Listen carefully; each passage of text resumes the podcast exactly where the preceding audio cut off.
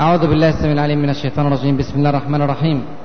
إن الحمد لله نحمده ونستعينه ونستغفره ونستهديه ونعوذ بالله من شرور أنفسنا ومن سيئات أعمالنا. إنه من يهده الله فلا مضل له ومن يضلل فلا هادي له. وأشهد أن لا إله إلا الله وحده لا شريك له. وأشهد أن محمدا عبده ورسوله. أما بعد فأهلا ومرحبا بكم في هذا اللقاء الطيب المبارك. وأسأل الله عز وجل أن يجعل هذا اللقاء في ميزان حسناتنا أجمعين. إخواني ما زلنا نتدارس سويا في القضية الهامة التي أثرناها حول العلم وهي أمة الإسلام بين علوم الشرع وعلوم الحياة. تحدثنا في محاضرة عن قيمة العلم في الميزان الإسلامي وتحدثنا في محاضرة ثانية عن أن هذا العلم ليس مقصودا به العلم الشرعي فقط ولكن مقصود به العلم الشرعي والعلم الحياتي جميعا. الاثنين. ثم ذكرنا في المحاضرة الثالثة والرابعة الإسلام وعلوم الحياة الجزء الأول والثاني الأدلة على أن من مارس واجتهد وكد وتعب في علم حياتي فإنه بإذن الله إن أخلص النوايا يكون يعمل عملا من أعمال الآخرة ويتقرب به إلى الله عز وجل.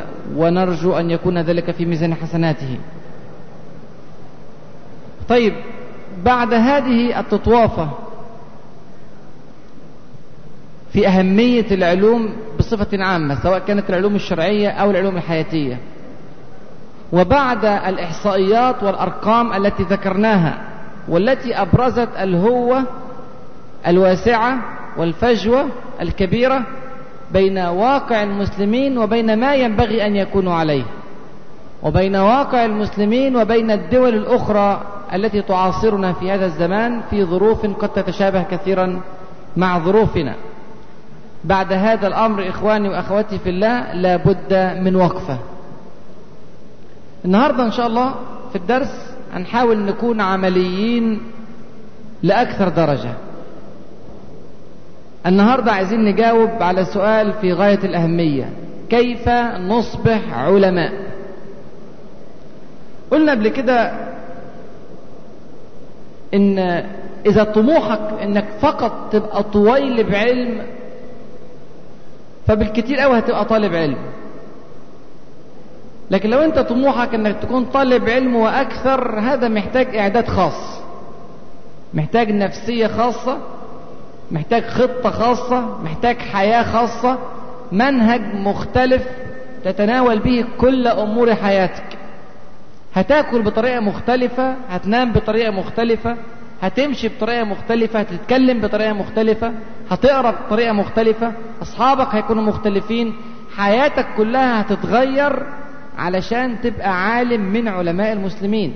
في التخصص الذي أنت فيه ليس بالضرورة أن تكون عالما في الفقه أو التفسير أو الحديث وإن كنا نحتاج إلى هذه الفروع أشد الاحتياج. ولكن في مجال تخصصك علوم شرعية أو علوم حياتية وفصلنا في أهمية هذا وذاك كثيرا وكثيرا. كيف نصبح علماء؟ القضية خطيرة يا إخواني فعلا.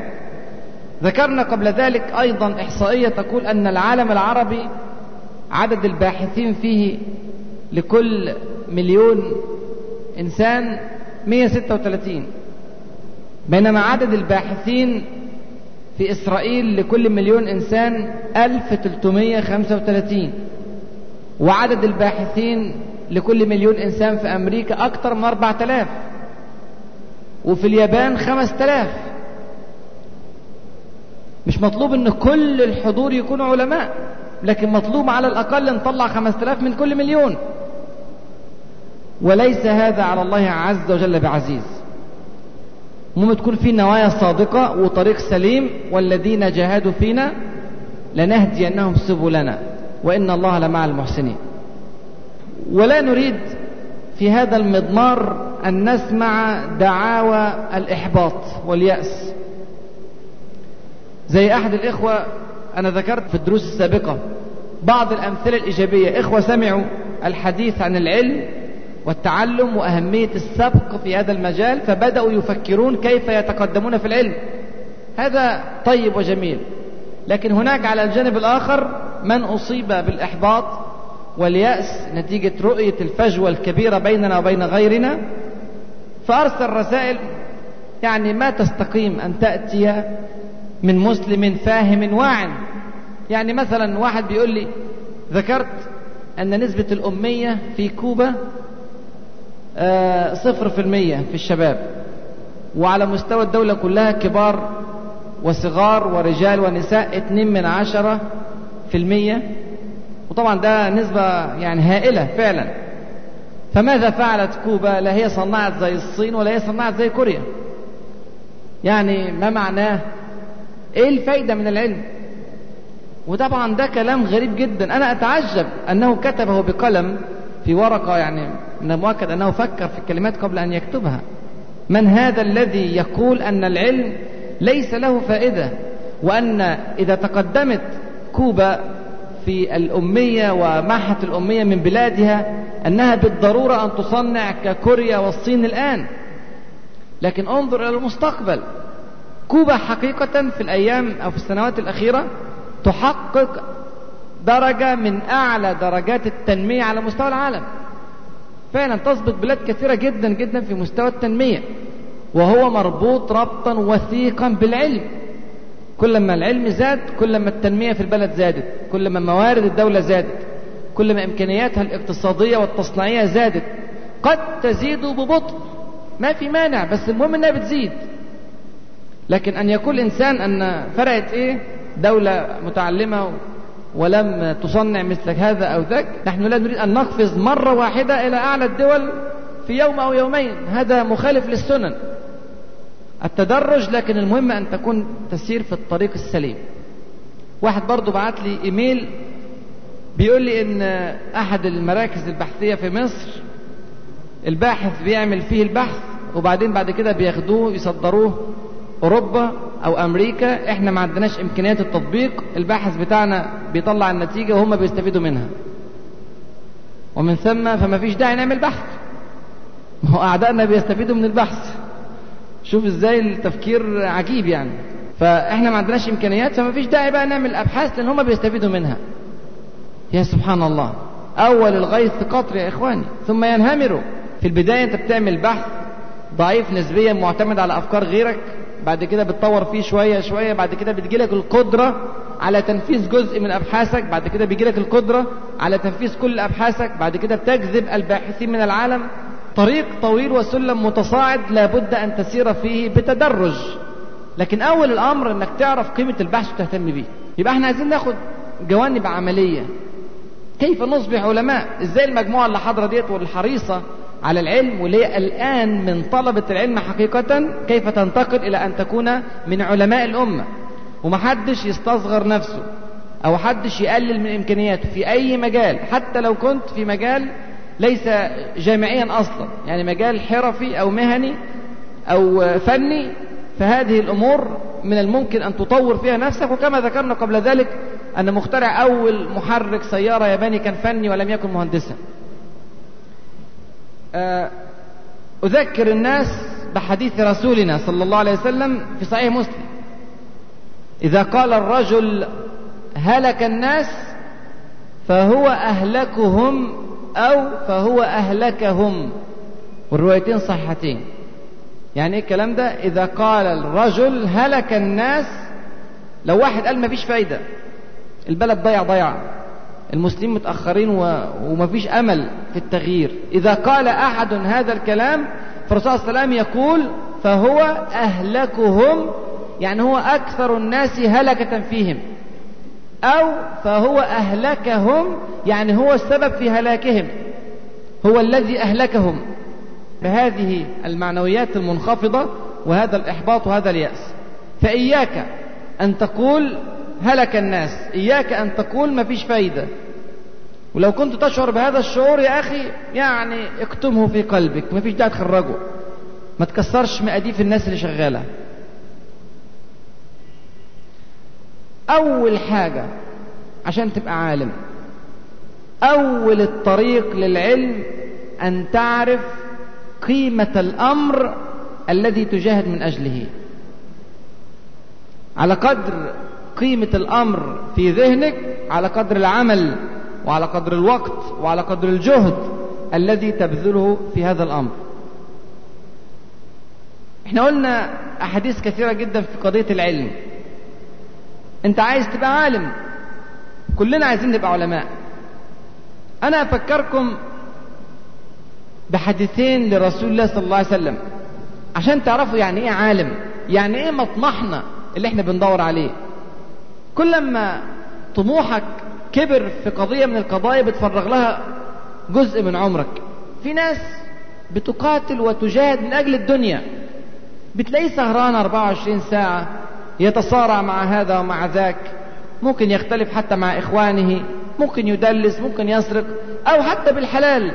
بس بيعطي كل الوقت وكل الجهد وكل الفكر ويقرأ ويبحث ويسافر ويسهر ويكدح علشان يجمع مال. على قدر هذا الجهد لابد أن يبذل الجهد في قضية العلم. لو أنت عارف قيمته أو لو مش عارف قيمته خلاص هتديله جزء صغير هتذاكر ربع ساعة تلت ساعة قبل الامتحان بكام يوم بكام شهر حسب قيمة العلم في ذهنك. في ناس تقاتل من أجل السلطة وبتشوفوا شوفوا قد التصارعات على السلطة والدماء التي تسيل والأشلاء التي تقطع هنا وهناك. في مشارق الأرض ومغاربها. الناس تقاتل من أجل السلطة لأنها حاسة بقيمة السلطة. وعلى قدر قيمتها يقاتل. على قدر قيمة العلم اعمل. شوف قيمة العلم أو قيمة العالم في نظر حبيبنا صلى الله عليه وسلم. يقول صلى الله عليه وسلم من سلك طريقا يلتمس فيه علما سهل الله له به طريقا إلى الجنة. تكلمنا في الحديث ده قبل كده. يعني بفضل الله كل الحضور هؤلاء فتحوا لهم طريقا إلى الجنة. نسأل الله القبول منا أجمعين. فعلا كل واحد وعلى بعد المسافات بتاعتكم كل واحد جاي من مشوار بعيد كل ما كان الطريق أوسع وأرحب إلى الجنة وأعظم إلى الجنة. ثم يقول صلى الله عليه وسلم خلي بالك بقى من الكلمات الجميلة جدا جدا. يقول صلى الله عليه وسلم وإن الملائكة لا تضع أجنحتها لطالب العلم رضاء بما يصنع. الله أكبر. يعني وأنت جاي من طريقك أنت جاي تطلب العلم تقابلك الملائكة في الطريق أنت مش شايفها بس هي شايفاك. وأخبرنا بها رسولنا صلى الله عليه وسلم تضع أجنحتها لك. تواضعا لك تعظيما لك تكريما وتبجيلا لك.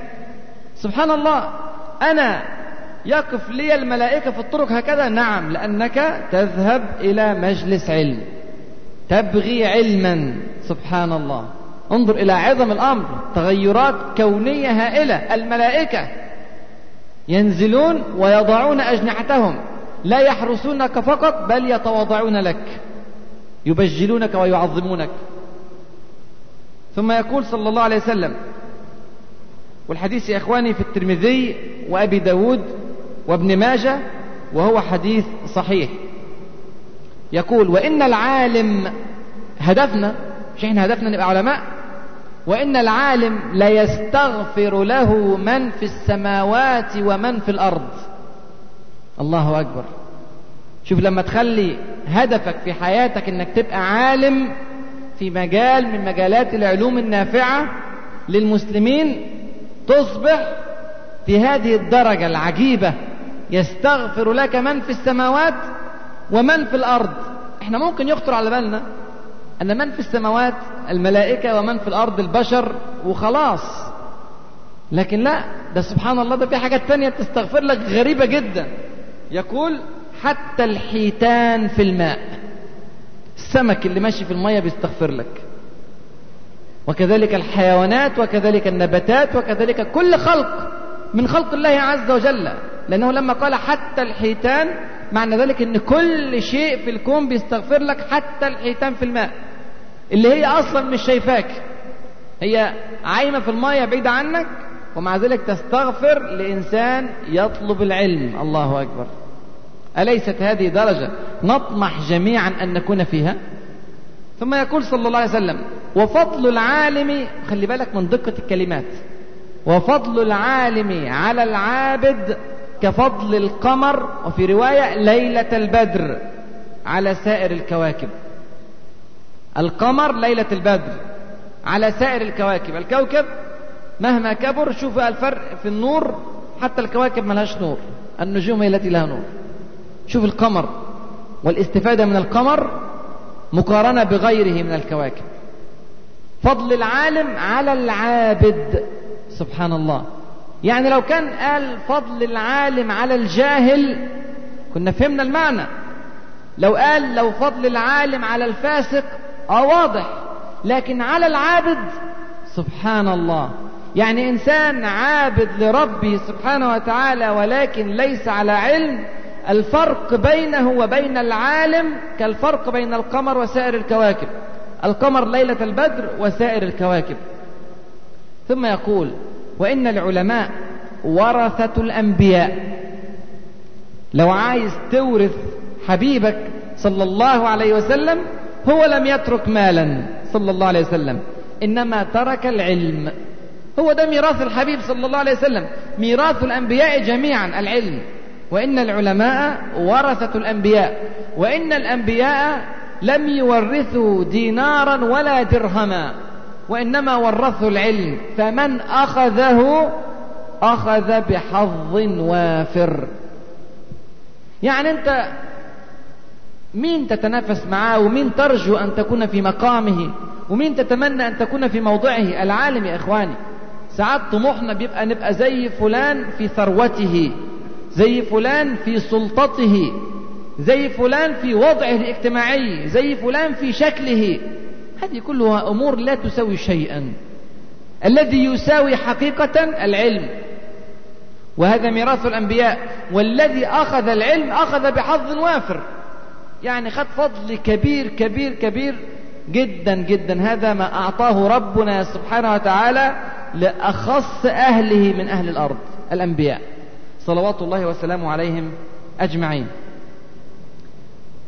شوف هنا في الحديث اللي فات الرسول صلى الله عليه وسلم بيقارن بين العالم والعابد ويجعل المقارنة بينهم كالقمر ليلة البدر وسائر الكواكب. في حديث تاني سبحان الله أعجب.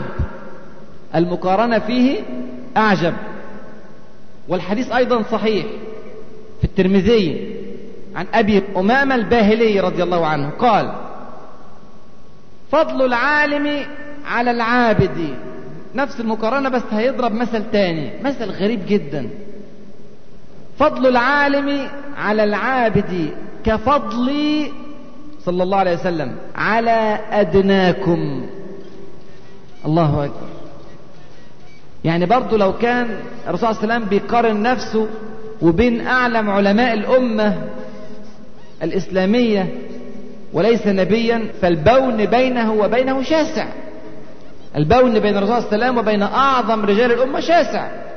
هذا ليس نبيا فقط بل أعظم الأنبياء عليه الصلاة والسلام. فلا يقارن نفسه بعظيم من عظماء المسلمين ولا يقارن نفسه بعالم من علماء المسلمين ولكن يقارن نفسه بأدنى المسلمين أقل المسلمين. الفجوة التي بين رسول الله صلى الله عليه وسلم وبين أدنى المسلمين أقل المسلمين هي الفجوة بين العالم والعابد. وليس العالم والفاسق أو الجاهل بين العالم والعابد. آه يبقى إحنا محتاجين نفرغ أوقات كتيرة جدا جدا لهذه القضية.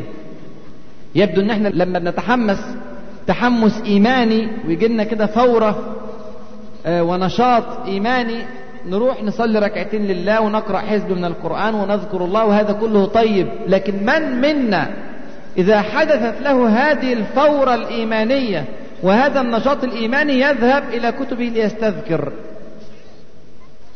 قليل لأن الناس مش عارفة هذه القيمة.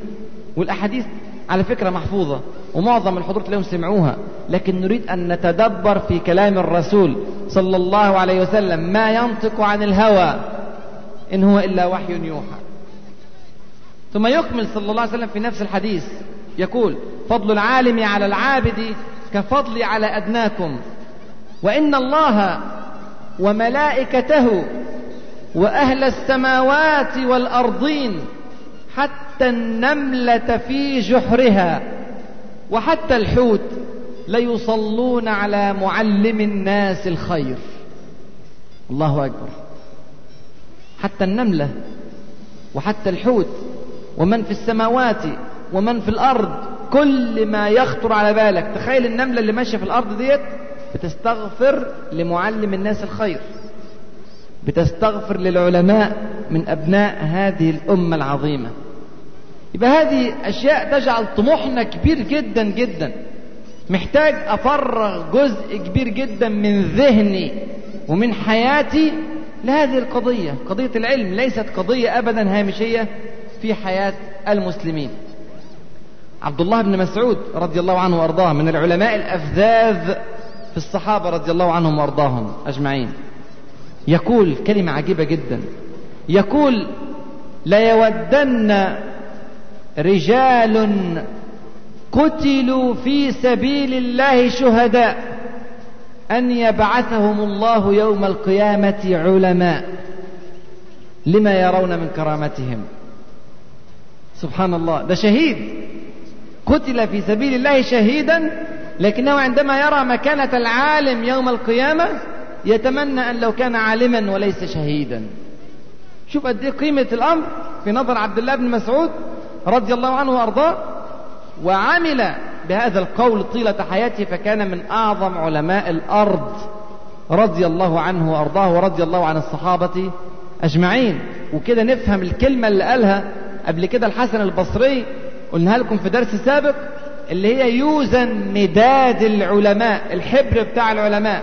يوزن مداد العلماء بدماء الشهداء فيرجح مداد العلماء. واخدها من كلمة عبد الله بن مسعود رضي الله عنه وأرضاه.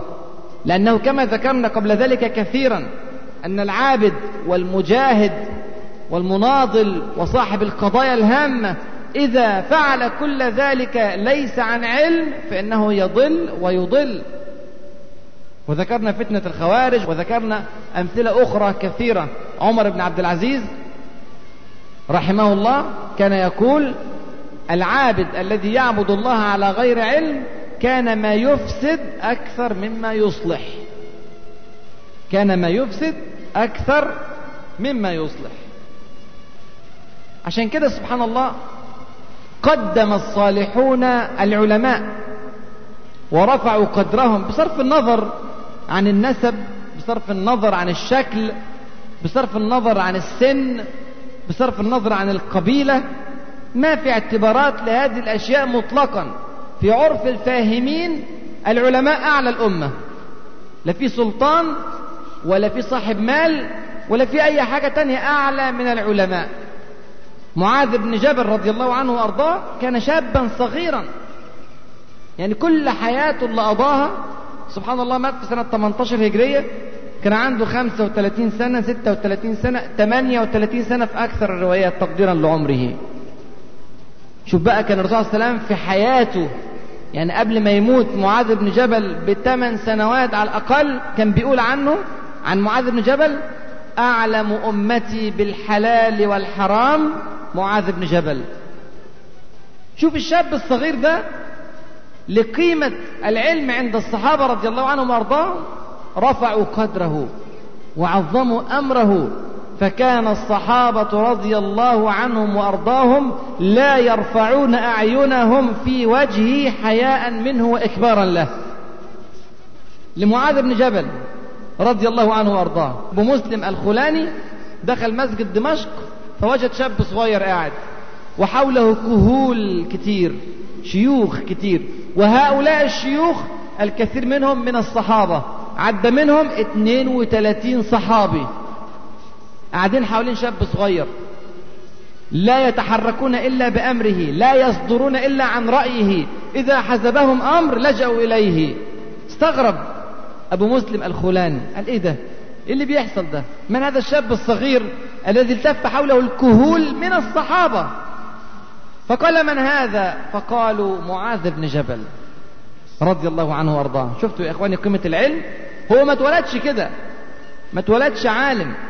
إنما في طريق مشي فيه. في جهد بذله. في تقدير لقيمة العلم خلى كل حياته موجهة لتحصيله. فرفع بهذا الأمر. يقول عمر بن الخطاب رضي الله عنه وأرضاه إن الله عز وجل يرفع بهذا الكتاب القرآن أقواما ويضع به آخرين. اللي عارف فيه يرفع واللي مش عارف عنه حاجة يوضع. هكذا. زيد بن ثابت رضي الله عنه وأرضاه وكان شابا صغيرا أيضا ومن الأنصار كان الصحابة رضي الله عنهم وأرضاهم يجلونه تمام الإجلال رضي الله عنه لدرجة أن عبد الله بن عباس وهو حبر الأمة ومن أعظم علماء المسلمين كان إذا ركب زيد بن ثابت دابته أمسك له باللجام. يمشي كده بالدابة بتاعته. حتى زيد بن ثابت كان يرفض ويقول دع عنك يا ابن عم رسول الله. وده مش أي واحد ده عبد الله ابن عباس رضي الله عنهما. ابن العباس ابن عبد المطلب ابن عم رسول الله صلى الله عليه وسلم.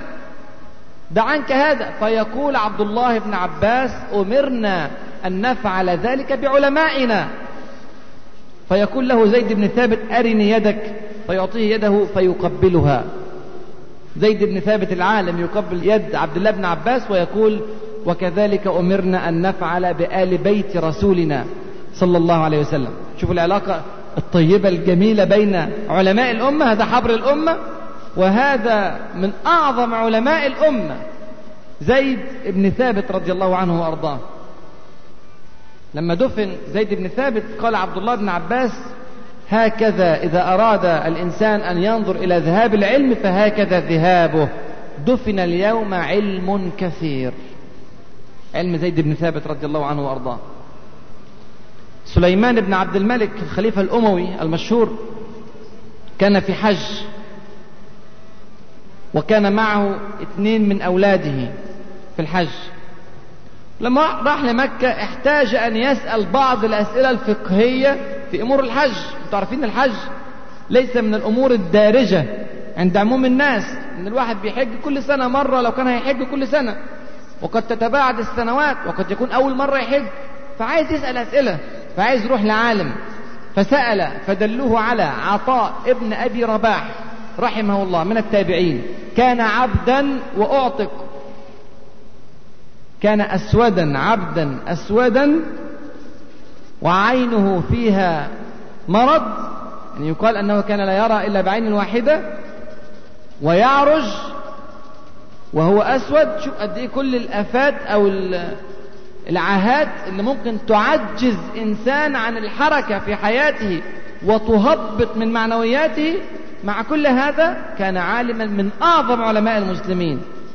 فاحتاج إليه سليمان بن عبد الملك وولداه اثنين من أولياء العهد وراحوا معاه عشان يسألوه. وقفوا وراه وهو كان بيصلي خلص صلاته وقف وراه يسألوه فما التفت إليهم. عزة العالم. واقف يصلي في مكانه باصص للكعبة وهم واقفين وراه يسألوه الأسئلة وهو يرد عليهم. يسألوه أسئلة وهو يرد عليهم. ما التفت إليهم؟ ليست له في أيديهم حاجة. لا عايز مال ولا عايز وضع اجتماعي ولا عايز منصب معين ياخده ولا عايز قضاء ولا عايز أي شيء. هو عايز قضية العلم فقط لله عز وجل فرفعه الله بها. فالاثنين واقفين يسألوه في منتهى الذلة لعلمه. بعد ما خلصوا الأسئلة بتاعتهم مشيوا. سليمان بن عبد الملك جمع ولديه الاثنين وقال لهم تعالوا يا أولادي أعلمكم درس. يا بني لا تنيا في طلب العلم. اوعوا تكسلوا في طلب العلم. لا تنيا في طلب العلم فإني والله ما أنسى أبدا ذلتنا بين يدي العبد الأسود. إحنا واقفين نسأل نسأل وهو بيتفضل علينا بالإجابة. جزاه الله خيرا وإحنا اللي محتاجين وهو اللي عنده العلم كله. وهو مش محتاجنا. لن يعدم قوتا لن يحرم أبدا أبدا من رزق. هذا أمر مكفول. أما العلم هذا الذي يحرم منه كثير وكثير يا إخواني. الرزق كفل لك أما العلم فلا بد أن تسعى. لتحصيله. هارون الرشيد كان عنده أولاد اتنين أولاده الأمين والمأمون فكان جايب لهم عالم من علماء الأمة الكسائي رحمه الله يعلمهم. فلما الباب يخبط ويعرفوا إن الكسائي الاثنين يجروا عشان يتسابقوا مين اللي يفتح للكساء مين اللي يفتح لعالم المسلمين. بل إنه سبحان الله وهو ماشي يتسابق الغلامان الاثنين دولت مين؟ الأمين والمأمون أولياء عهد الأمة. ولي عهد أمير المؤمنين والثاني يتسابقا لحمل نعليه لحمل نعلي العالم. الكسائي رحمه الله. هارون الرشيد سمع الكلام ده. فنادى على الكسائي قال تعالى. يا كسائي قال لبيك أمير المؤمنين قال من أعز الناس؟ قال أمير المؤمنين قال بل أعز الناس الذي أراد أن يفتح الباب تسابق أولياء العهد على فتحه له. هذا أعز الناس العالم أعز من أمير المؤمنين أعلى درجة من أمير المؤمنين. هذه يا إخواني قيمة العلم الحقيقية وهذه هي الدرجة التي وضع فيها الصالحون علماء الأمة. وهذا ما نريد أن نصل إليه إن شاء الله رب العالمين. يبقى أول حاجة خالص أن نعرف أن اللي أنا بدور عليه ده غالي قوي قوي عشان أعرف أضحي من أجله. أما لو كان يعني شيء هامشي في حياتي عمري ما فرغ له وقت. كلنا مشغولين زي ما أنتم عارفين. مليون حاجة شغلانة. مش هتلاقي وقت تذاكر وتقول الظروف. منعتني. تعالوا نشوف الظروف. يا ترى أثرت في حياة العلماء ولا هم اللي أثروا في الظروف وبقوا في النهاية من أعظم علماء الأمة؟ بعد ما عرفت قيمة الشيء أديكم النهاردة درس مهم جدا جدا جدا لكي تكون عالما. بعد ما عرفت قيمة الشيء أو قيمة العلم. وهي كلمة قالها يحيى ابن أبي كثير رحمه الله من التابعين. والكلمة هذه موجودة في صحيح مسلم. ليست من كلام الرسول صلى الله عليه وسلم ولكن من كلمات يحيى ابن أبي كثير. رحمه الله. قال بيقول لك العلم بيجي إزاي؟ قال لا يستطاع العلم براحة الجسم. عايز تبقى عالم ما ينفعش تريح. لازم تبقى تعبان. أصل العلم كتير قوي. هتحصل إيه ولا إيه؟ فمحتاج عشان تبقى عالم متفوق بارز إنك تتعب. تتعب قوي قوي قوي. زي ما كان الشافعي يسأل كيف طلبك للعلم؟ أنت بتدور عليه إزاي؟ قال كطلب المرأة المضلة ولدها ليس لها غيره. سبحان الله. شوف قد إيه المرأة لو عندها طفل واحد وحيد تاه منها. بتدور عليه. الشافعي بيدور على العلم زي المرأة ديت. عرفتوا قيمة العلم عند الشافعي؟ عشان كده في الآخر بقى الشافعي رحمه الله. لا تحسب المجد تمرا أنت آكله. لا تبلغ المجد حتى تلعق الصبر. في ناس متخيلة إن في جرعة جرعتين درس درسين محاضرة أو اتنين إن شاء الله الدكتور هدينا وصفة هايلة وهنبقى علماء الأمة. ما شاء الله. والناس جاية متحمسة درس النهاردة كيف تصبح عالما. الحمد لله خرجنا من المسجد علماء الأمة. فطبعا هذا مستحيل يا إخوان. إحنا محتاجين سنين وسنين. أو كل محتاجين أعمار. محتاجين عمر طويل طويل ينفق في العلم. من أول ما تعتقد هذا الاعتقاد السليم وإلى آخر نفس يخرج من صدرك. وهنضرب بعض الأمثلة لبعض العلماء الذين يحصلون العلم وهم يحشرجون حشرجة الموت. آخر لحظة من لحظات الحياة وبيدور برضو على العلم.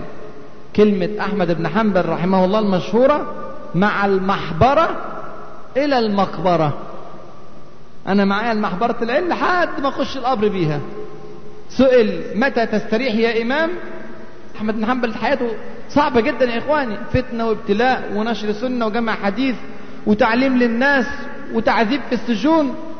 حياة صعبة جدا. متى تستريح يا إمام؟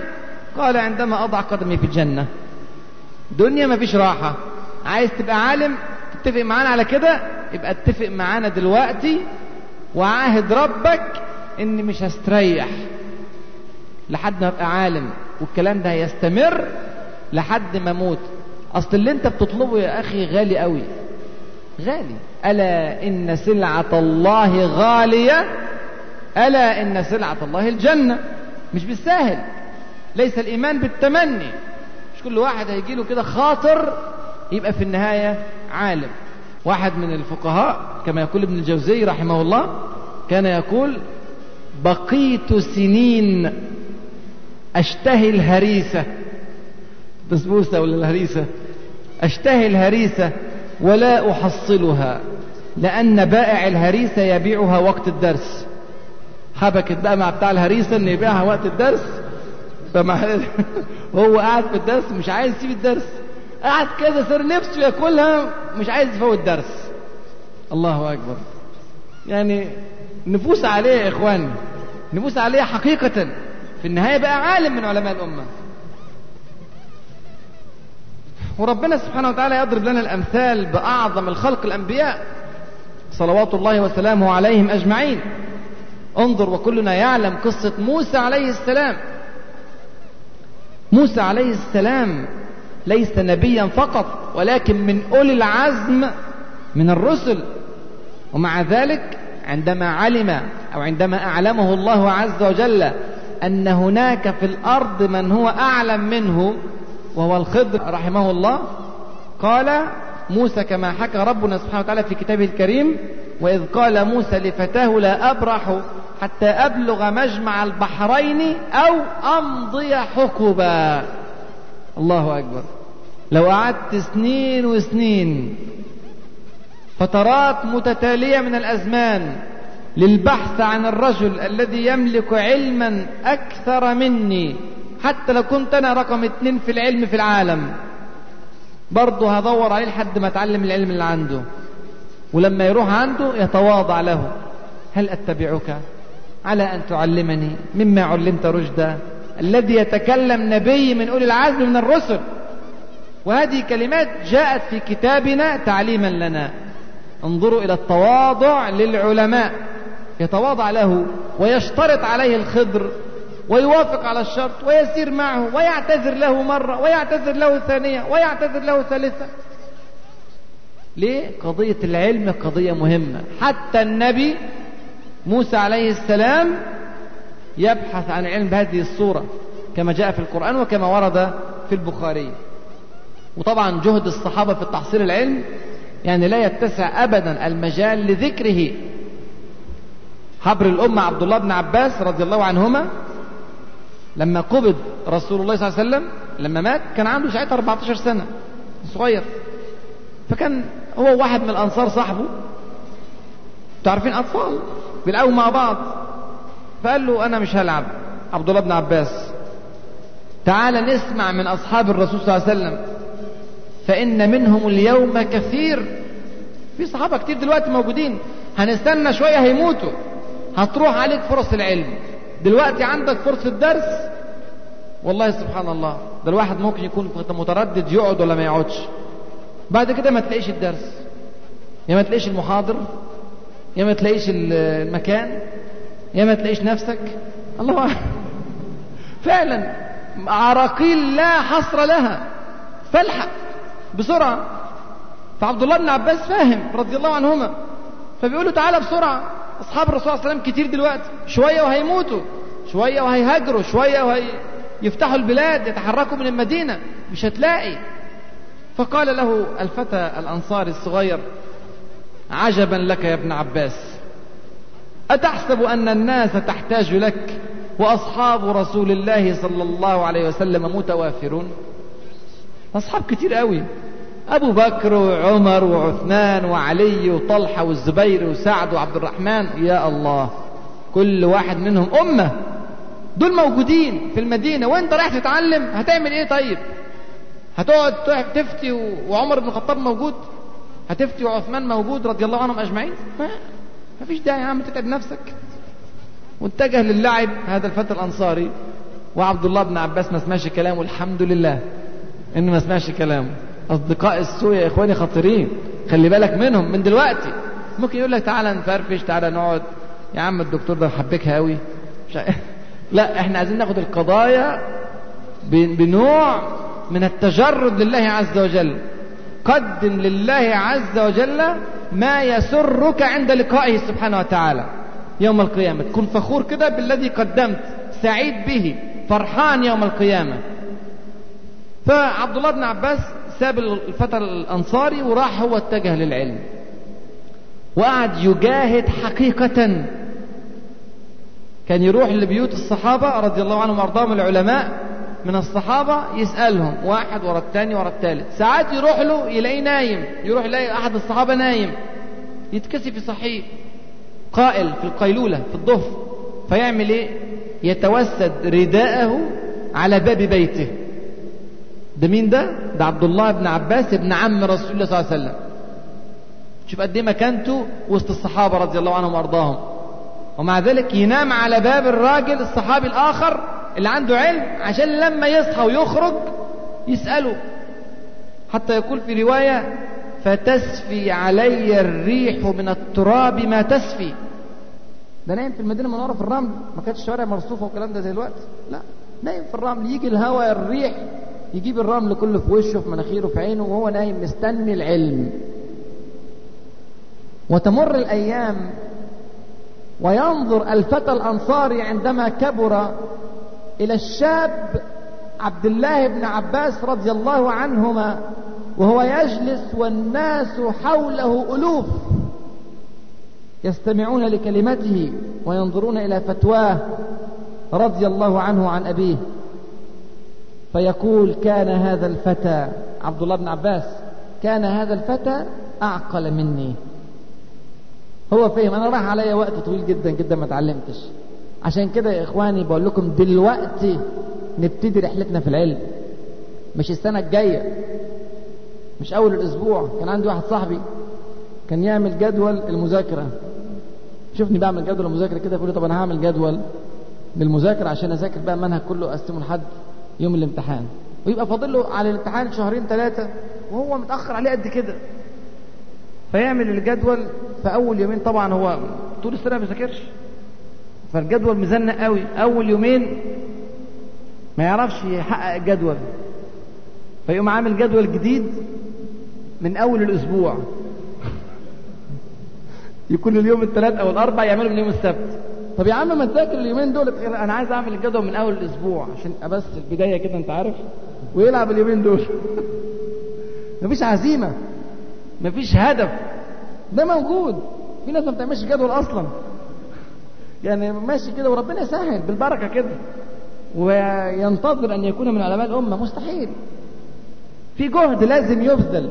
لا يستطاع العلم براحة الجسم. احفظها كويس.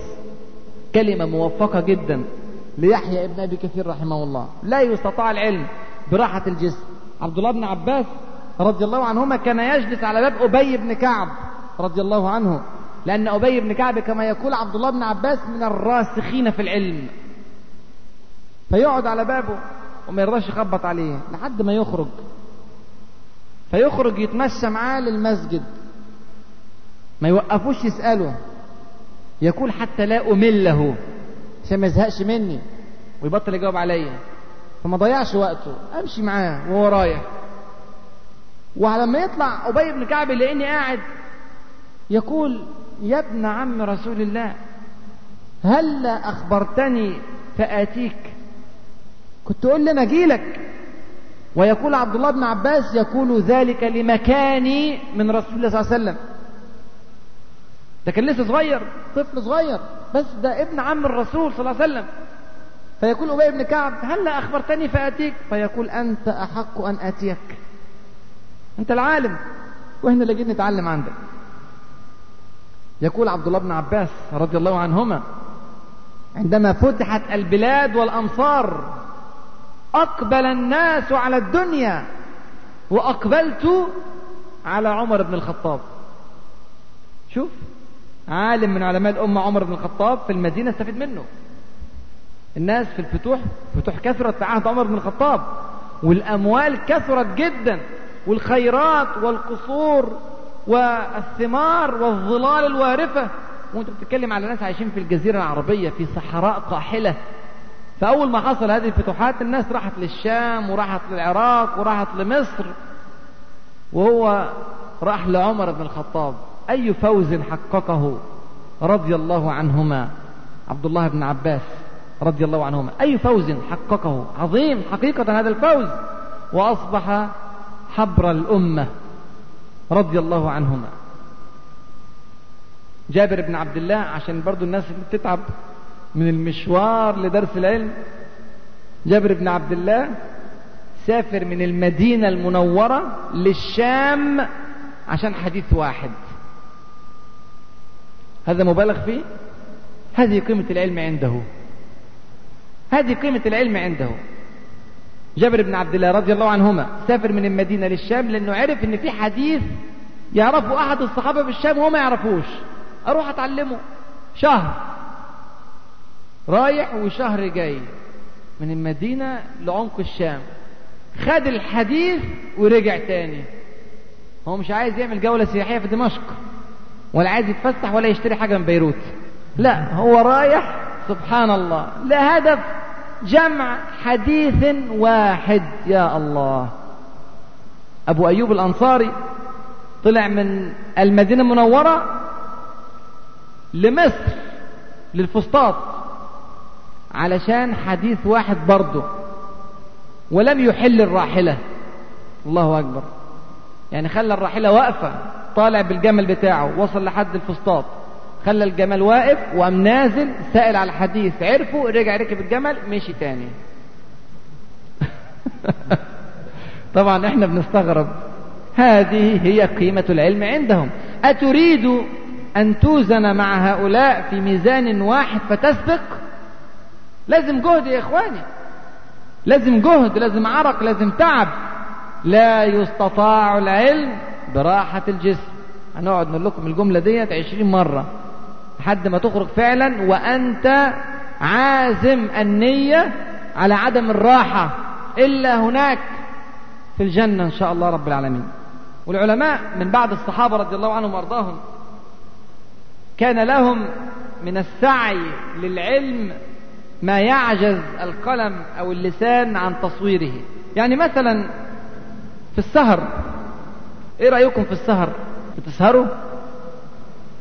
في ناس بتسهر عشان تتفرج على التلفزيون وفي ناس بتسهر على القهوة وفي ناس بتسهر مش عشان حاجة هو قاعد وخلاص لحد ما يكبس عليه النوم. آه. فممكن يعمل أي حاجة عشان يقتل الوقت لحد ما يكبس عليه النوم يقعد يعد من واحد لمية من واحد لألف ربنا يسهل له لحد ما ينام. آه والله تلاقيه مكتوبة كده في الكتب اللي بتساعدك على النوم. قال يعني اقعد عد. طيب عد ربنا يوفقك. حتى بدل ما يقول قول سبحان الله مثلا لحد ما تنام لا عد واحد اثنين ثلاثة أربعة عشرة ربنا يوفقك. شوف الناس كانت بتسهر إزاي. النووي رحمه الله. النووي يقول عن نفسه وأنا في طلب العلم. وعلى فكرة هو قعد طول عمره في طلب العلم. النووي مات وعنده 44 سنة. خلف ميراثا من العلم سبحان الله. سبحان الله. كتب الله له الانتشار والشيوع في بلاد العالم الإسلامي في عمق الزمان والمكان. نسأل الله أن يتقبل منه وأن يرفع من درجاته. بس مش بالسهل الكلام ده يا إخواني. نووي بيقول بقيت سنتين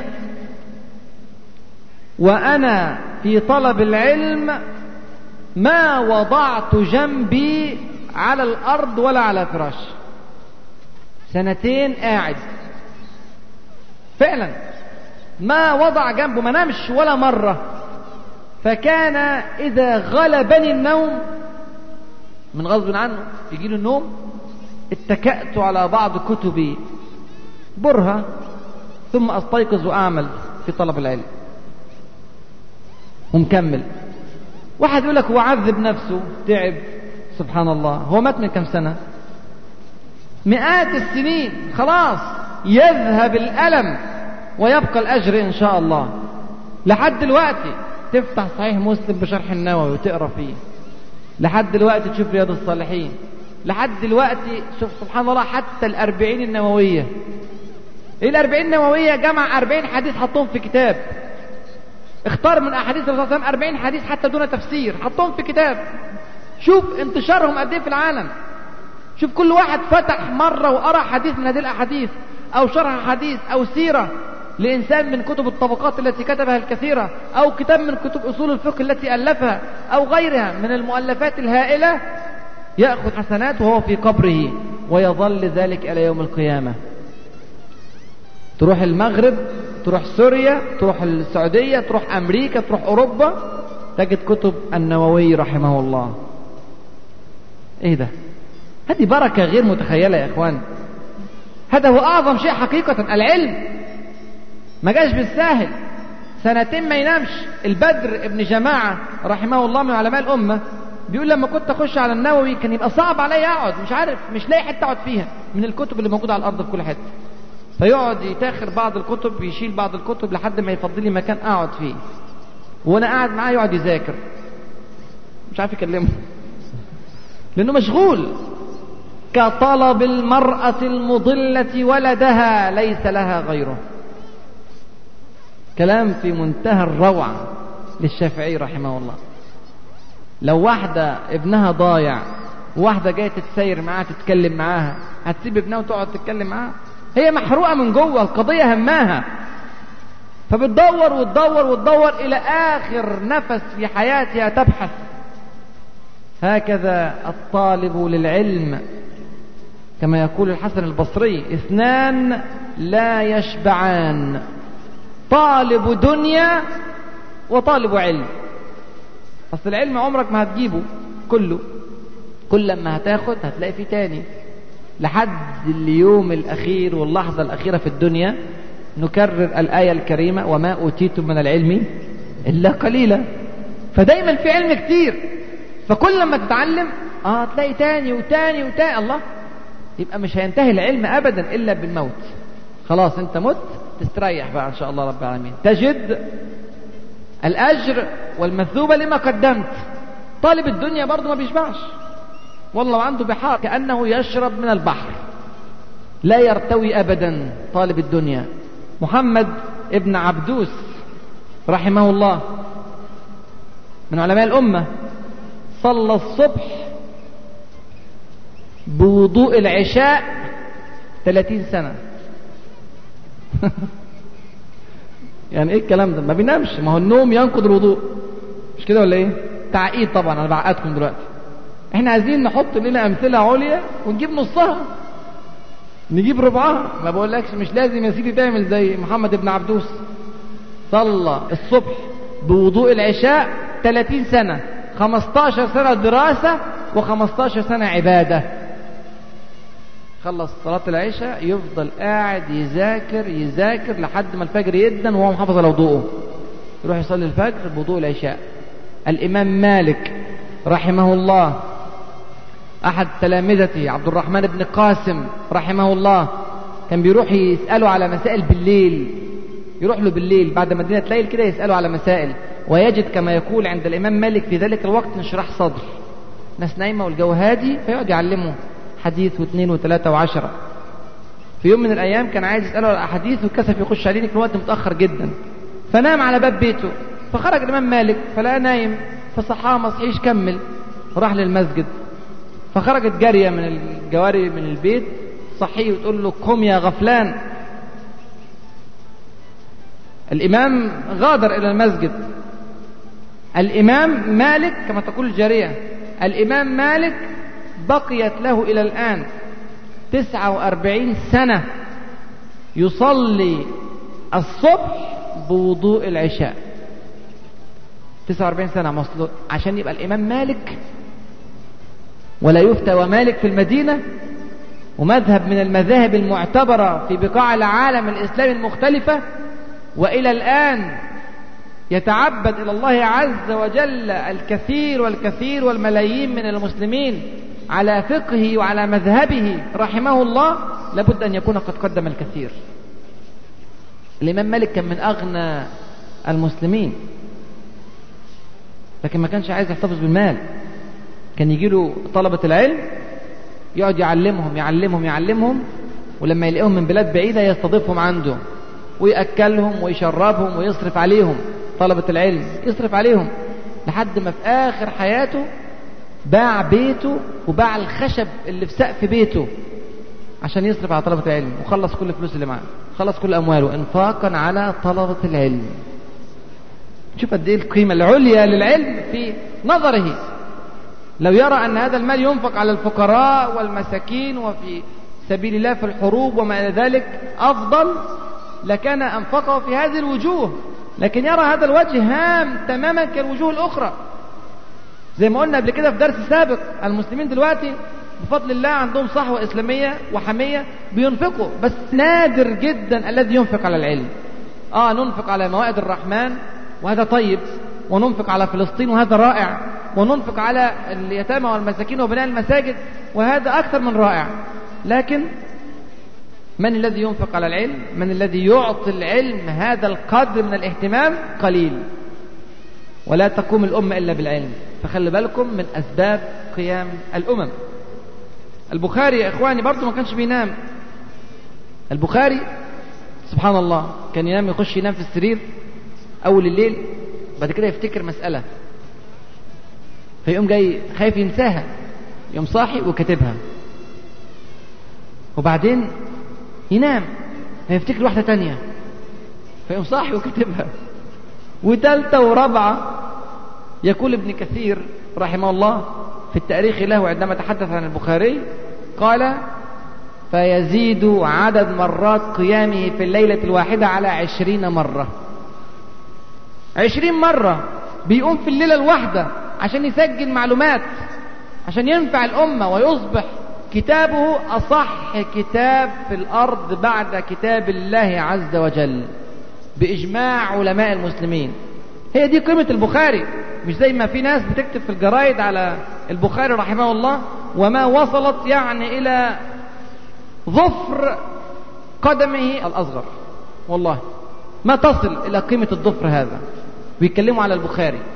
ويقول في كلامه فليقل البخاري ما يقول. كأنه بيقول من دماغه يعني. وكأنه ما كانش عنده منهج علمي واضح. درس به وحاج كل من حاجة. في ناس عارضت البخاري في بعض الأحاديث وقالت الصواب كذا وكذا وليس الصواب كما كتب البخاري فعارضها. فدائما على الدوام ليس بلا استثناء. كان الصواب في جانب البخاري. فأقر الجميع أنه من أعظم علماء الأمة وكتابه أصح الكتب بعد كتاب الله عز وجل. الكتاب ده ما اتعملش من فراغ. البخاري كان حافظ 600 ألف حديث. 600 ألف حديث. لعلنا من المصلحة أن نفرد له حديثا خاصا البخاري. عشان ما نحرق لكمش المتع التي في حياته. رحمه الله. فعلا كل ما افتكر حاجة عن البخاري الاقي معجزة. سبحان الله. فعلا رجل بآلاف الرجال. البخاري مش سهل يا إخواني إن ربنا سبحانه وتعالى يصطفيه من الخلق ليجعل كتابه أعظم كتب السنة مطلقا. مش سهل. لازم الراجل ده قدم كتير. ما كانش يكتب حديث واحد في صحيحه إلا لما يقوم يتوضأ ويصلي ركعتين استخارة وبعدين يكتب الحديث الواحد. شوف بقى الكتاب بتاعه فيه أكثر من 7000 حديث. طبعا بالمكرر من غير مكرر 2602 فجهد ضخم من 600 ألف حديث. شوف الغربلة. حتى وصل لك بهذا الكتاب العظيم صحيح البخاري. محمد ابن الحسن الشيباني. طبعا ما حدش يقول أنت طولت. إحنا قاعدين بقى مع العلم بقى. قلنا مفيش راحة جسم ولا في نوم في سهر. سهر في طلب العلم. مجلسكم ده في سبيل الله. لو هتروح لحاجة أعظم اتوكل على الله. موازنات. اما تروح تريح تنام شوية تتفرج على حاجة في التلفزيون لا خليك قاعد أحسن.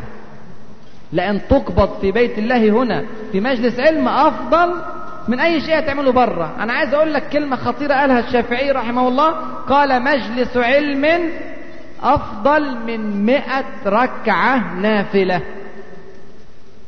لأنه عارف الميزان ما بين العالم والعابد.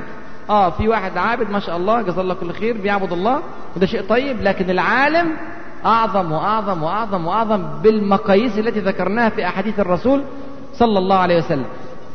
محمد بن الحسن الشيباني برضه ما كانش يحب ينام. هو طبعا كإنسان عايز ينام. هو إحنا فاكرين الناس دول ما كانوش بشر. يعني تفتكر النووي رحمه الله أو البخاري أو محمد بن الحسن الشيباني ما كانش بيكبس عليه النوم؟ ما كانش تعبان؟ ما كانش عنده أمور خاصة بجسده وأسرته وماله وتجارته؟ عنده كل الكلام ده زي أي إنسان. لكن غلب قيمة العلم نظر إلى قيمتها فبذل الجهد فيها. فما كانش ينام كان يستعين على السهر بالماء البارد. وخلي بالك ده كان من سكان بغداد. كان في الشتاء الجو بيبقى بارد قوي. يجيب معاه مية باردة كده يحطها جنبه وكل لما يجي يكبس عليه النوم يقوم جايب مية ومسح وشه. ويقول النوم من الحرارة. والماء البارد يغلبه. فيحط يغسل وشه كل شوية. يقهر نفسه للجلوس للتعلم. طبعا محمد بن الحسن الشيباني من أعظم تلامذة أبي حنيفة رحمه الله. هو وأبو يوسف الاثنين من أعظم أو الاثنين أعظم تلامذة أبي حنيفة رحمه الله رحمه الله جميعا. شوفوا كده القصة العجيبة لأسد بن الفرات رحمه الله. عندما ذهب لطلب العلم. أسد بن الفرات من علماء الأندلس وتونس شمال أفريقيا. فجاي من هذه البلاد البعيدة ليتعلم في الشرق. فراح نزل المدينة المنورة. فأخذ علم مالك رحمه الله. الإمام مالك خد العلم بتاعه كله. على فكرة أسد بن الفرات هو الذي نشر المذهب المالكي في شمال أفريقيا. يعني إلى الآن تونس والجزائر والمغرب كلهم على المذهب المالكي. من مين؟ من أسد بن الفرات. شوف العلم وشوف الثمار. فأسد بن الفرات راح للمدينة المنورة تعلم علم الإمام مالك كله. حوى ما عنده من علم. تخيل طالب علم بقى عنده علم الإمام مالك. خلاص أنت عايز إيه أكتر من كده؟ تروح بقى تونس تعلم الناس. لا لسه في علم في المنطقة. فقام طالع على العراق عشان ياخد علم أبي حنيفة. أبي حنيفة كان مات ساعتها. عايز ياخد علم محمد بن الحسن الشيباني تلميذ أبي حنيفة. فراح. دخل المسجد اتفاجئ المسجد كميات هائلة من البشر. مش عارف يوصل. فتاني يوم جه بدري. برضه مش عارف يخش. قعد يبكر يبكر لحد ما عرف يوصل. في يوم من الأيام لمجلس العلم لمحمد بن الحسن الشيباني. وقعد بعد ما سمع الدرس قال له أنا رجل غريب. أنا مش من بلاد ديت. من بلاد بعيدة. قليل النفقة. والسماع منك نذر. أنا فلوسي قليلة مش هقدر أقعد كتير في البلد. وفلوسي قليلة. والسماع منك نذر. أنا يا دوبك بستمع. لحاجات قليلة جدا جدا من الزحام الموجود ده. فأعمل إيه؟ حل لي مشكلتي. ما حيلتي؟ بنص كلامي. ما حيلتي؟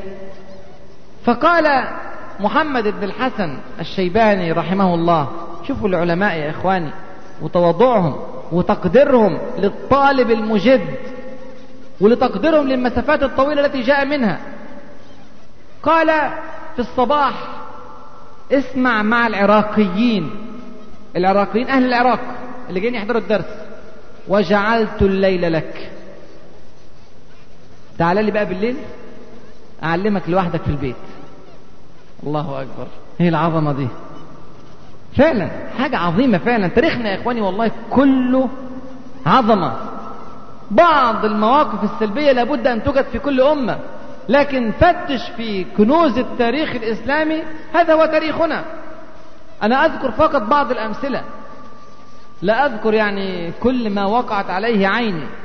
لا بعض الأمثلة الوقت لا يتسع يحتاج إلى شهور وشهور. والله سنوات وأعمار حتى نتحدث عن تاريخ علمائنا. فخدوا معاه فعلا. وراح كل ليلة في البيت يعلمه إيه؟ يعلمه العلم. فيقعد سهران مع محمد بن الحسن متعود على نظام الماء الباردة كل لما يجي يكبس عليه النوم يغسل وشه التاني مش متعود. فمرة فشوية يكبس عليه النوم. فتاني يوم بقى لما كبس عليه النوم أسد بن الفرات لقى محمد بن الحسن نازل له تاني يوم كان البيت بتاعه دورين. ومعاه طست كده في مية بارده آه. يبتدي بقى إيه؟ يعلمه التعليم اللي هو. بيقول فكلما غلبني النعاس رش في وجه الماء. اصحى اتعلم. دي قيمة عالية جدا. هذه لحظات نادرة لحظات عظيمة يا إخواني. هذه هي الأعمار. أغلى ما تملك. رأس مالك عمرك. يوشك إن ذهب البعض أن يذهب الكل. خلاص لو أنت حبة من عمرك راحوا شوية وهيروح الكل وتنتهي. أنتوا عارفين اللي بينام 8 ساعات؟ في اليوم معناها إيه؟ لو عاش 60 سنة معناها إنه نام 20 سنة من عمره. صح ولا مش صح؟ حسبة بسيطة. مش 8 ساعات هي تلت ال 24 ساعة. خلاص. يبقى تلت ال 60 سنة 20 سنة. بالله عليك خبرني. ألا تحزن على هذه السنوات؟ 20 سنة نايم يا راجل في 60 سنة؟ ما ينفعش. حاول تصحصح شوية. آه ما تروحش بكرة. تبقى خلاص ما تنامش إلا ساعة واحدة بالتدرج. هنتكلم إن شاء الله في دروس قادمة على إزاي تصحصح مش بس بالمية الباردة لكن أهم شيء إنك تبقى عارف قيمة الشيء اللي أنت صحيله عشان تعرف تصحله بجد. فيقعد يرش المية في وشه لحد ما يصحصحه فيعلمه يجرعوا العلم تجريعا. سبحان الله. لحد ما في الآخر حوى علم أبي حنيفة.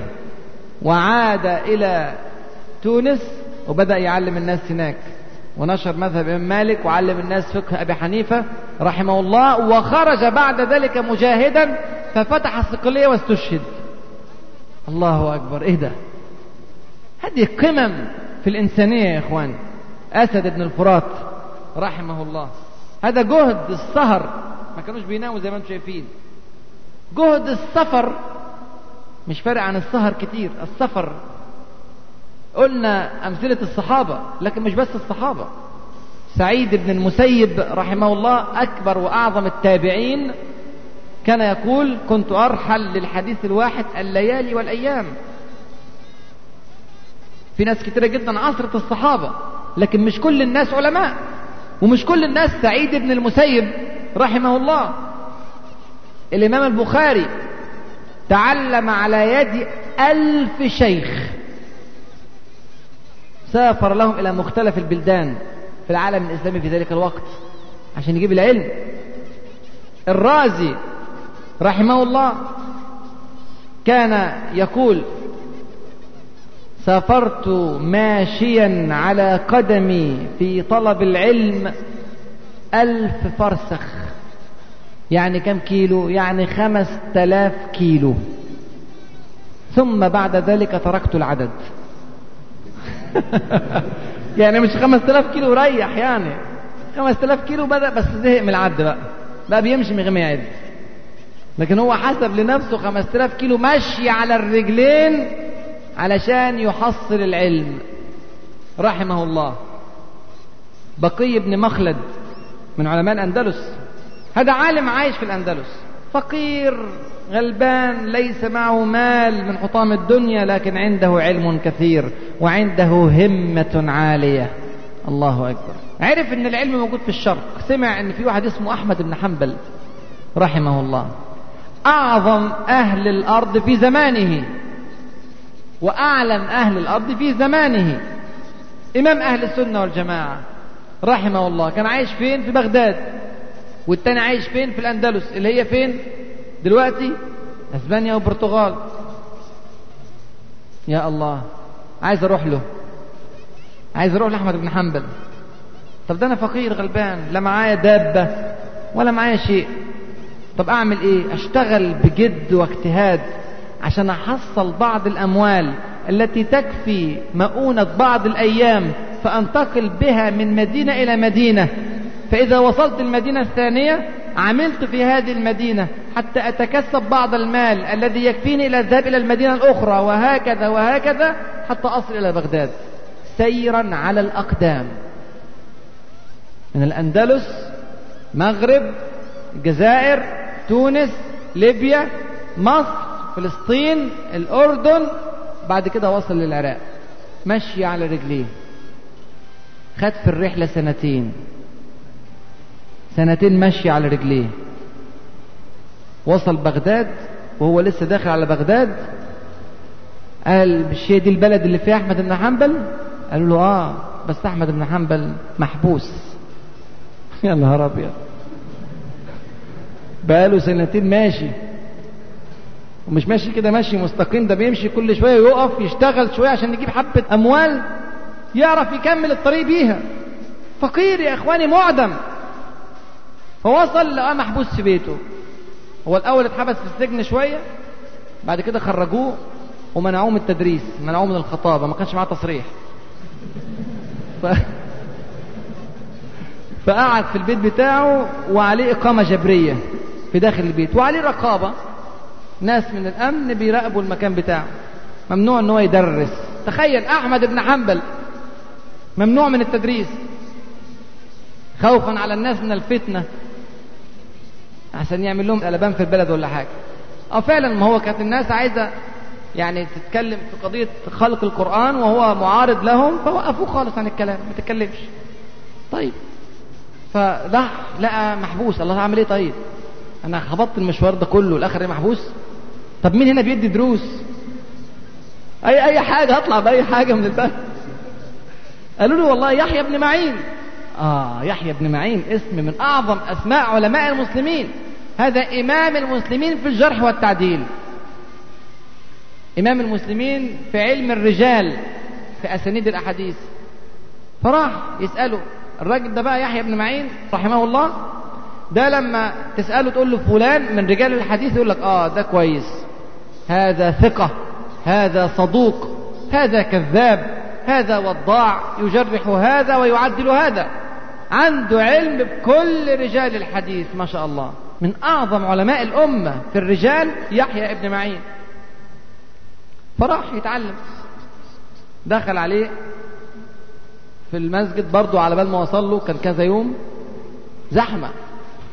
جعفر ابن الدراستويه أحد القضاة الكبار كان بيقول عشان نقعد في مجلس يحيى ابن معين في مكان أستمع فيه والله يا إخواني كان مجلسه بعد الفجر. كنا نروح هو يقول كنا نذهب إلى المسجد بعد صلاة العصر في اليوم اللي قبله عشان أحجز مكان للفجر بتاع بكرة. ما تعرفش بقى بيخش الحمام إزاي بيتصرف إزاي بيحط مفتاح مكانه ويمشي يحجز بيه؟ الله أعلم. إنما كان بيقعدوا في مجلس يحيى ابن معين قبلها بنص يوم عشان يضمن إنه يسمع. ما كانش في ميكروفونات اللي عندنا والنعمة اللي إحنا فيها. والله لا تسالون عن النعيم. هنتسأل على هذا النعيم. ده إحنا دلوقتي شرايط وكتب وسيديز وكمبيوتر وفضائيات وبرامج وخطب ومساجد وحلقات. والناس بتزهد. جابر بن عبد الله يروح الشام عشان يجيب حديث والواحد ساعات يكسر يروح المكتبة بتاعته اللي فوق الثانية عشان يجيب حديث. فمكسل لسه هدور. همم عالية جدا يا إخواني. فراح لحد ما وصل يحيى بن معين فبدأ يسأله. جات له الفرصة أخيرا الحمد لله بعد كام يوم. فقال له ماذا تقول في فلان؟ قال له على اسم أحد الناس الذين ينقل عنهم. فقال هذا صدوق وفلان هذا ثقة وفلان هذا كذاب وفلان قعد يعدل ويجرح. فالناس اللي حواليه قالوا له حسبك إحنا عايزين نسأل إحنا كمان مش إلا أنت في المسجد ولا إيه؟ ادينا فرصة. قال لهم ده أنا جاي بقالي سنتين ماشي. عشان أسأل. خلاص آخر سؤال. وقام واقف وبيسأل السؤال الأخير. ما تقول في أحمد بن حنبل؟ يحيى بن معين اتخض. اتخض فعلا. وجم. قال مثلي يسأل عن أحمد بن حنبل؟ مثلي يسأل عن أحمد بن حنبل؟ هذا إمام المسلمين وخير المسلمين وفاضل المسلمين. سبحان الله. الراجل قال لي بقى أنا بقى خسرت كتير قوي بقى. أنا لازم أوصل لأحمد بن حنبل ده. أنا سمعت كلام وهذا الرجل اللي هو مختص في علم الرجال يقول هذا الكلام. أعمل إيه؟ أعمل إيه؟ أعمل إيه؟ قال لك أنا أتخفى في زي شحاذ متسول. سائل. قام رابط على راسه خرقة وماسك عصاية وحط حاجة على عينه آه ومش عارف إيه والحاجات اللي بتشوفوها دي. يعني كتير بنشوفها متعودين إحنا هنا. وقام رايح سأل فين بيت أحمد بن حنبل؟ أهو البيت أهو. الرقابه قاعدين بره الأمن قاعد بره بس مخبر تعبان أنتوا عارفين. فإيه مش مركز يعني. فراح خبط على الباب. المهم خبط على الباب فتح له أحمد بن حنبل. قال له سائل أنا غلبان. قال له تعالى أديك اديله أي حاجة. فلما اختلى به قال قدمت لك من بلاد بعيدة. قدمت لك من المغرب يقصد مغرب العالم. فقال من تونس من أفريقيا قال بل أبعد نجوز البحر إلى تونس إلى أفريقيا. أنا من الأندلس. فقال هذه بلاد بعيدة. فقال جئت أتعلم فوجدتك في الحال التي ترى. فإن لم تمتنع أتيتك كل يوم. بهذا الزي وأنا غريب عن البلد لا يعرفني أحد. أسأل الصدقة فتعطيني الحديث أو الحديثين. شوف قد إيه سبحان الله. عشان ياخد حديث هيقعد يوم كامل. ويروح يتخفى ويخاطر في هذا البلد الذي ليس له فيه أعوان ولا معارف. عشان يدخل على أحمد بن حنبل يتعلم حديث. مسند أحمد بن حنبل موجود عندنا في كل المكتبات. روح افتح وتعلم العلم اللي بقي ابن مخلد رحمه الله قطع سنتين ماشي عشان يتعلم في كل يوم حديث. مسند أحمد بن حنبل فيه ثلاثين ألف حديث غير مكرر. مسند ضخم من أعظم المسانيد التي ورد فيها أحاديث الرسول صلى الله عليه وسلم. فأحمد بن حنبل رحمه الله وافق. صيب عليه قال مش مشكلة. مع إن ممكن يتعرض لخطر عظيم لكن ده راجل جاي من الأندلس. أعلمه فقعد كل يوم شهور يخش عليه يشحت أو في ظاهره أنه يشحت وياخد حديث أو اثنين وقال وأحيانا يحدثني بالثلاثة. سبحان الله. كأنه خد ثلاث أحاديث مرة واحدة في يوم واحد. ومش عايز يكتر عشان ما يلفتش الأنظار. ما المخبر واقف بره. فمش عايز. المهم قول ومرت الأيام ورفع الله عز وجل المحنة وتولى إمام يعظم السنة. فأخرج أحمد بن حنبل ووضع له مكانه في المسجد يعلم الناس. فكنت أذهب إليه في المسجد فيأمر الناس أن يوسعوا لي أن يوسعوا لي حتى أجلس قريبا منه يقدر تعبي في طلب العلم. يقعد جنبه يعلمه. رحمه الله يهش له ويبش. رحمه الله في يوم من الأيام مرض. بقي بن مخلد كان قاعد في فندق كان مأجر أوضة في فندق. وقاعد فيها. والناس يعني مش مديها اهتمام ليه. إنسان عادي. في يوم من الأيام مرض فافتقده أحمد بن حنبل. فين بقي؟ قالوا ده عيان. قام رايح بنفسه يزوره. أحمد بن حنبل لما كان يمشي كانت الناس كلها تمشي وراه. فعلا الناس كلها تمشي وراه. والله يا إخواني الناس تمشي وراه وماسكه الورق والقلم. فإذا تكلم كتبوا لفظة. اللي هيقولوا أي حاجة يقولها كويسة. أي حاجة بس من ريحته زي ما بيقولوا. أي كلمة يقولها يكتبوها. أي فضل هذا؟ أناله بمال أو بسلطان أو بنسب أو بعائلة؟ ناله بالعلم فقط ما يعلو عليهم إلا بالعلم. كان من أفقر المسلمين رحمه الله. راح سافر لكل بلاد المسلمين عشان يتعلم. راح الكوفة وراح البصرة وراح دمشق وراح المغرب وراح خراسان وراح الحجاز وراح اليمن. لما راح اليمن كان بيشتغل شيال بيشيل الدقيق للناس. بدرهم في اليوم عشان يصرف على نفسه عشان يتعلم على علماء اليمن. ياخد أحاديث من علماء اليمن اللي وصلهم أحاديث ما وصلتوش. شوفوا قد إيه؟ لما رجع من اليمن رجع رجليه مشققة من الأرض. ما هو رايح ماشي وراجع ماشي.